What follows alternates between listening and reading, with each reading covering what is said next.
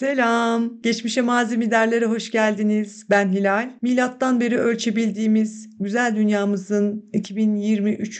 turunu tamamlamış bulunmaktayız. Ara ara bu çılgın turlarda savrulsak da yine de 2024. turumuza hepimiz hoş geldik. Bir yeni yıl klasiği olarak yapılacaklar listesi oluşturuldu, sağda solda paylaşıldı, yeterince espri yapıldıysa sıra bana geldi. Aslında her ne kadar dün ile bugün arasında pek fark olmasa da biz hayatı kontrol edebilmek adına başlangıçlara ve bitişlere bölüp ona göre planlamak isteriz. Her başlangıçta ve bitişte kendimizi çek ederiz. Benim de pek çok kimse gibi gerçekleştiremediğim kalemlerle dolu yapılacaklar listesi yığınlarım var ve o yüzden bu yıl yapılacaklar listesi yapmak istememiştim. Sonra bir yerde Einstein'ın her başarısız olduğu çalışmasının sonucunu değerlendirirken beni başarıya götürmeyen bir yolu daha eliyorum dediğini okudum. O zaman aklıma her yıl sürekli denenmeyen yeni hedefler koyup bunları başarmaya uğraşmak yerine deneyip doğru olmadığını emin olduğum başarısız yöntemleri tekrar yapmamayı salık veren bir liste hazırlamaya karar verdim. Ve hemen başlıyorum. 1. Sigara içmiyorum. Bırakıyorum. Keşke mümkün olsa da hiç ağzıma sürmeseydim. Listede en başa koydum. Çünkü kendim, gençlik ve herkes için dileğim sigarasız bir yaşam. Hiç içmeyenler ve gençler kesinlikle heves etmemeli. Çünkü bağımlılığı önlemek, bağımlılığı kazandıktan sonra onunla mücadele etmekten daha kolay. Kendimizi muhafaza etmeliyiz. Çünkü çevremizde de daima çeldiriciler var. Sigara her ne kadar kadar son 5 yılda %300 civarında zamlansa da hala en kolay ulaşılan ama en fazla bağımlılık yapan bir zararlı. Kötü etkileri de kısa zamanda görülmediğinden yaygın olarak kullanılabiliyor. Uzun vadede daha tehlikeli. Son derece kötü bir alışkanlık. O yüzden bu alışkanlığı edinmemek ya da kurtulmak en önemli başlık bence. E, bunun için kendi iradem tabii ki en önemlisi. Önce istemek lazım falan filan. Ancak öyle de kolay bir şey değil. Bırak ve denilince olmuyor. Adı üzerinde bağımlılık. O yüzden bu bağımlılığın altında yatan şeylere ulaşmak için profesyonel destek alabiliriz. E, ülkemizde de bazı uygulamalar var. Bir 171 e, telefon numarası var ya da aile sağlığı merkezlerinden de başvuru yapıldığını gördüm geçen gün. Ama başarısını çok bilmiyorum. Deneyenlerden dinlediğim kadarıyla da deneyimler çeşitli. E, yine de bir çare olarak denenebilir. Sigara aslında dünyanın sağlığını da tehdit ediyor. Dünya Sağlık Örgütü'nün verilerine göre 1.2 milyonun pasif içici olmak üzere yılda 8 milyon insanın ölümüne sebep oluyor. E, tütün yetiştirmek için yılda 22 milyar ton su kullanılıyormuş ve ormanların %5'i de tütün alanı açmak için e, azaltılıyormuş. 2 milyon ton paket atığı cabası, sağ sola saçılan 4,5 milyar izmarit de ayrı bir cabası. Ülkemizin sigara geçmişine baktığımızda da Avrupa ortalamasına göre Bulgaristan'dan sonra ikinci sıradayız sıradayız. Dünyada ise 10. sırada. Yani gerçekten azımsanamayacak rakamlar. Ekonomik, çevresel ve sağlık açısından çok büyük bir tehdit. Ee, sonra sigaraya başlama nedenimi bir düşündüm. Ee, benim arkadaş etkisiydi. Gerçekten de yapılan istatistiklere göre de birinci sırada başlama nedenleri arasında arkadaş etkisi var. İkinci sırada ise merak. Zaten başımıza ne gelirse meraktan ve meraktan geliyor arkadaşlar. Gerçekten sadece o üzerimize silah berbat kokusu için bile uzak durmak gerekir. O nedenle evet birinci yapılmayacak şeyim sigara içmemek. İkinci maddem ertelememek. Evet yapmaya karar verdiğim ya da vermesem de yapılması sağlığım, kazancım, kişisel gelişimim için gerekli olan hiçbir şeyi ertelemeyeceğim. E, erteleme kavramına ve neden ertelediğim davranışlarıma şöyle bir kısacık baktım. E, erteleme ile ilk ilişkilendirilen kavramı her zaman olduğu gibi ilk antik Yunan filozofları ortaya atmış. Bu adamlar olmasa bunca tanımı ortalığa kim atacaktı? Kavramın adı agresiya. Agresiya'nın tam anlamı aslında güçten yoksunluk demek. Demek ki aslında ertelemek de bir güçten yoksunluk. Hareket etme gücünden yoksunluk. Ee, yani alınan kararları eyleme dönüştürememe. Bizim için önemli olan yapılması gereken bir şeyi haz odaklı başka şeyler için ertelemek, vazgeçmek. Bizim bu hazla bağlılığımız ve hedonist yanlarımız maalesef. E, sosyal medya bağımlılığı da erteleme alışkanlığını artıran ve pekiştiren bir şey. Hepimiz zaman zaman bu döngüye girebiliyoruz. Mesela seyahat etmeyi çok sevmeme rağmen seyahate çıkmadan önce içimi bir korku sardığından valizimi hazırlamayı, bütün işlerimi son ana erteleyip bile isteye uçak kaçıran, şu podcast'i 15 gündür süründüren ben. Kilosunu kontrol etmek isteyen biri, yeni bir dil öğrenmek isteyen, hatta zorunlu olan bir genç, projesini yetiştirmek zorunda olan bir beyaz yakalı. Akşama misafir gelecekken son ana kadar Nihat Hatipoğlu ile sohbetlere kendini kaptıran bir anne. Hatta Victor Hugo. Evet, büyük Fransız şair, romancı, oyun yazarı Hugo. İlk romanı Notre Dame'ın kamburunu yayımcının kendini tanıdığı bir yıllık sürede tamamlayamayan, bu bir yılda gününü gün eden, nerede akşam orada sabah takılan Hugo daha sonra ek 6 ay süre isteyip bu romanını tamamlamıştır. Yani adam Sefilleri bile 17 yılda yazmış. Aslında hani çok da uzun bir süre geçmemiş ama ne yazmış? Bence aslında ertelememiş, demlemiş de olabilir. Valla böyle eller havaya gezip sonra Notre Dame yazacaksam ne güzel. Çünkü yayımlandığı yılda inanılmaz ses getirmiş, pek çok dile çevrilmiş ve katedral bakımsızlıktan ölürken ziyaretçi akınına uğrayınca mecburen restorasyon yapılmıştır. Aslında ertelediğimiz şeyleri belki de zamansız ve hazırlıksız mı giriş yapıyoruz ondan da olabilir. O yüzden öncelikle tembellik mi yoksa psikolojik olarak erteleme döngüsüne mi girdik tespit edip derhal çözüm yollarına başvurmalıyız. Jet hızıyla akan hayat ta erteleme lüksümüzün olmadığını anlamamız gerekiyor. Umarım anlayacağım ve hedeflerimizi gerçekçi ve sürdürülebilir koymak çok önemli. Evet, üçüncü maddem her şeye evet demiyorum. Bir klasik olarak hayır demeyi öğrenmek fenomenine geçmeden önce neden evet dediğimin mantığını bir anlamam lazım. Kişiliğime, isteklerime, arzu ve menfaatlerime ters düşen şeyleri neden onayladım? Bu konuda aslında sonsuz faydalı içerik üretilmiş. Çünkü hayır demeyi öğren popüler bir slogan şu aralar. Ben Hayır Demeyi Bilmek adlı Mary Hadon'un kitabını öneririm. Bir de Yes Man adlı Jim Carrey filmi var.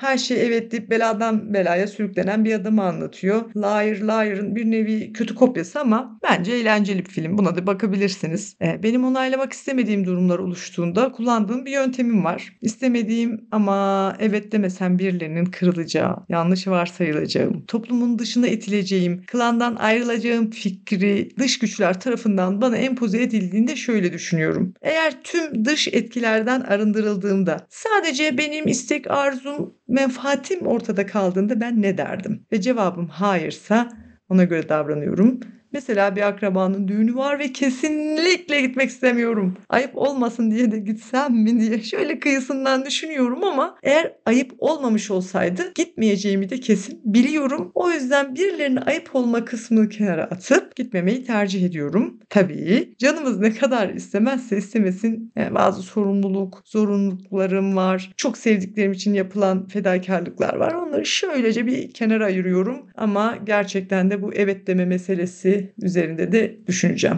Dördüncü maddem zararlı, toksik, zehirli kişilerle yola devam etmiyorum. Artık yetti kımıl zararlıları bir inin sırtımdan bakalım. Ee, bu şöyle bir evi barkı toparladıktan ve temizledikten sonra etrafımdaki en dış halkadan başlayarak tüm kişileri tek tek ele alıp değerlendireceğim. Ve bize Allah korusun fiziksel, duygusal, ekonomik anlamda zarar veren, sömüren, zamanımızı çalan, fayda vermeyen tüm kişileri de hayatımdan uzaklaştıracağım. Bu ailemizden bir zamanlar çok sevdiğim birileri de olabilir. Hayatımdan çıkaramadığım insanlara da en azından mesafe koyacağım. Ben eleme yaparken cep telefonumu kullanıyorum bazen. Sıra ile listeden bakıyorum. Oo çok olmuş görüşmemişim ya da arayınca açmayacağım. Veya geri tekrar aramayı düşünmüyorum. Bir daha görüşmem ortamım yok mümkün değil gibi gibi e, sebepleri harf sırasına göre kişileri çek edip çöp kutusuna gönderiyorum. Eğer hala bir umut varsa da geri dönüşümü atıyorum. İlla ki bizle kötü bir geçmişi olması da gerekmiyor. Bazen ilişkilerde karşılıklı alışverişler bitiyor. Onu da orada tatlı bir anı olarak bırakmak herhalde faydalı. Özellikle duygusal hassas olduğumuz insanlara yani ailemize ve romantik ilişkilerimize kendimizi manipüle ettirmemek lazım. Yalnızlıktan korkuyoruz diye, bağımlıyız diye yanlış seçimleri devam ettirmemek lazım. Eğer yalnızsak da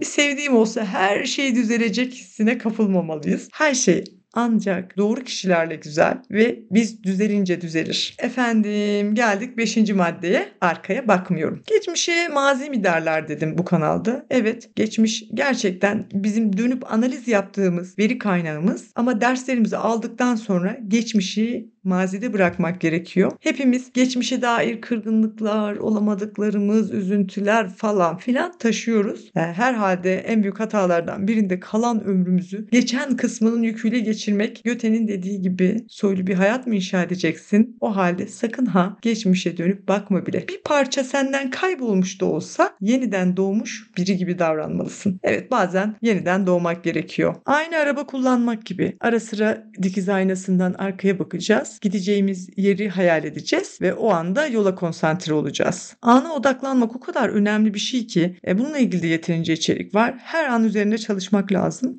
E, benim için püf noktası acele etmemek. Biraz sakin ve emin adımlarla yaşamak e, ve zihnimin dağılan parçalarını bazen anda toplamak istediğimde gözlerimi kapatırım. O anın tarihini, saatini, nerede olduğumu, adımı, ne yaptığımı içimden tekrarlar. Önce vücudumu, sonra zihnimin o anlık duyumsamalarına odaklanırım ve ruh beden bütünlüğümü sağlayıp anda kalmaya çalışırım. Meditasyon gibi yöntemler bu anlamda çok işe yarıyor. Ee, sonra altıncı maddemiz sermayemizi har vurup harman savurmuyorum. Sermayeden kastım şey parasal kaynaklarım, zaman yani ömrüm, enerji, akıl, yetenek gibi içsel kaynakların e, gerçekten de büyük bir bedensel ve ruhsal efor sarf ediyoruz hepimiz para kazanmak için, ekonomik edinimlerimizi elde etmek için. E, boş yere yine hiç faydası olmayan bir şekilde harcamak, istek ve ihtiyaç arasındaki farkı ayırmak, isteklerimizde aşırı, aşırıya kaçmamak lazım. E, özellikle kadınların ev ekonomisine büyük bir katkısı olsa da yatırım yapmak, mal edinmek, yatırımını çoğaltmak erkeğin görevi ya da beceri alanı gibi görülür. Elbette annelerimizin yastık altında altına para koyma, altın günü gibi geleneksel yatırımları olsa da artık dünya değişiyor. E, ve ekonomik okur yazarlık çok önemli bence. E, bununla ilgili eğitimler var online alınacak, göze göz atılabilir. E, ben Zengin Baba, Fakir Baba adında bir kitap okumuştum. Daha önce de söylemiştim galiba. Benim ilk okuduğum para ve yatırım konulu kitaptır. Benim için bayağı ufuk açıcı olmuştu. E, zamanla biricik sermayemiz ve ömrümüz maalesef kısıtlı. Hiç bitmeyecek yanılsamasına kapılmamak lazım. E, Mevlana Mesnevi seviyesinde bunu güzel bir örnekle betimlemiş. E, nasıl ucu nasıl anlatsam e, ucu köz olmuş bir tahta çöpü hızlı hızlı salladığımızda sanki ateşin tek bir nokta değil de uzun çizgilermiş gibi görürüz ya. İşte yaşam da böyledir. Çok hızlı aktığından aslında kesik kesik ve bir yerde noktalanacak bir şey olmasına rağmen sürekliymiş gibi görünür. E, ama maalesef bu bir yanılsama. O yüzden sorumluluklardan arta kalan zamanı kendi kişisel gelişimimize, yaratıcı yönlerimize ayırmak, yeteneklerimizi, kendimizi keşfetmenin yollarını aramak çok zevkli. Almak istediğimiz eğitimler yine buna bir örnek olabilir. Gitmek istediğimiz bir dans kursu yani en iyi versiyonumuzu bence daima aramalıyız. Yedinci maddem yine zararlı, faydasız, toksik gündemde boğulmuyorum. Zararlı insanlardan kaçındık. E sonra bir de toksik gündem var. Bir türlü kaçamadığımız, özellikle coğrafyamızı ciddi baskı altına alan, elimizden hiçbir şey gelmeyen ama bize de stres, umutsuzluk yükleyen savaşlar, cinayetler, ekonomik buhranlar. Ee, içinizden belki bunu duyarsızlık gibi algılayanlar olabilir bu dediklerimi. Tabii ki belli düzeyde dünyadan ve çevremizden haberimiz olacak ama kendimi bu konular içinde boğmayacağım. Mesela şu an hala süre gelen Gazze meselesinde elbette sivillere karşı işlenen suçlar tasvip edilemez. Olayları da takip etmek, imkanlar ölç- ölçüsünde de doğruyu savunmak çok önemli. Ee, ama sürekli vahşet videolarını dönüp dönüp bakmanın sanırım insana bir faydası yok. En azından benim için çok zararlı oluyor. O yüzden toksik gündemde de boğulmamaya karar verdim. E, 8. maddem başkalarının hikayesini yazmayacağım hepimizin hayatı biricik ve nevi şahsına münhasırken kendi hikayemizi yazmak, oynamak, bu eşsiz deneyimi yaşamak, başrol olmak varken başka hikayelerde yan rol olarak kalmayacağım. Kendi hikayeme odaklanırım daha iyi. E, bu madde diğer maddelerle etkileşim halinde tabii. Umarım hepimiz güzel bir hayat hikayesi yazarız. Dokuzuncu maddem sağlığıma gözüm gibi bakıyorum. Vallahi bu maddeyi açıklamama gerek yok. İşte ruh ve beden, akıl sağlığımıza çok iyi bakalım. Geldik 10. maddeye. Aslında bu yapılmayacaklar listesi olmasına rağmen yine de son maddeye bir yapılacak şey koydum. Çünkü bunun yapılmama ihtimali hiç hoşuma gitmedi. E, hatta bu ekonomik konjonktürde niyet olsun, dua olsun, evrene salalım dedim hep birlikte. Tatile gidelim be. Her yıl birkaç kez hem yaz hem kış hem yurt dışı tatiline gidelim sevdiklerimizle. Yazın denize girelim doya doya. Kışın kar tatili yapalım. Sucuk ekmek yiyelim Alplerde. İskoçya'da doğayı gezelim. İtalya'da operaya gidelim. İsteyen Umre'ye gitsin ya da Buda'yı ziyarete uzak doğuya gezelim. Sevdiklerimizi doya doya gezelim. Amin. Evet artık yeni yıla hazırız diyorsak başlasın dünyanın 2024. turu. Hoşçakalın. Görüşmek üzere.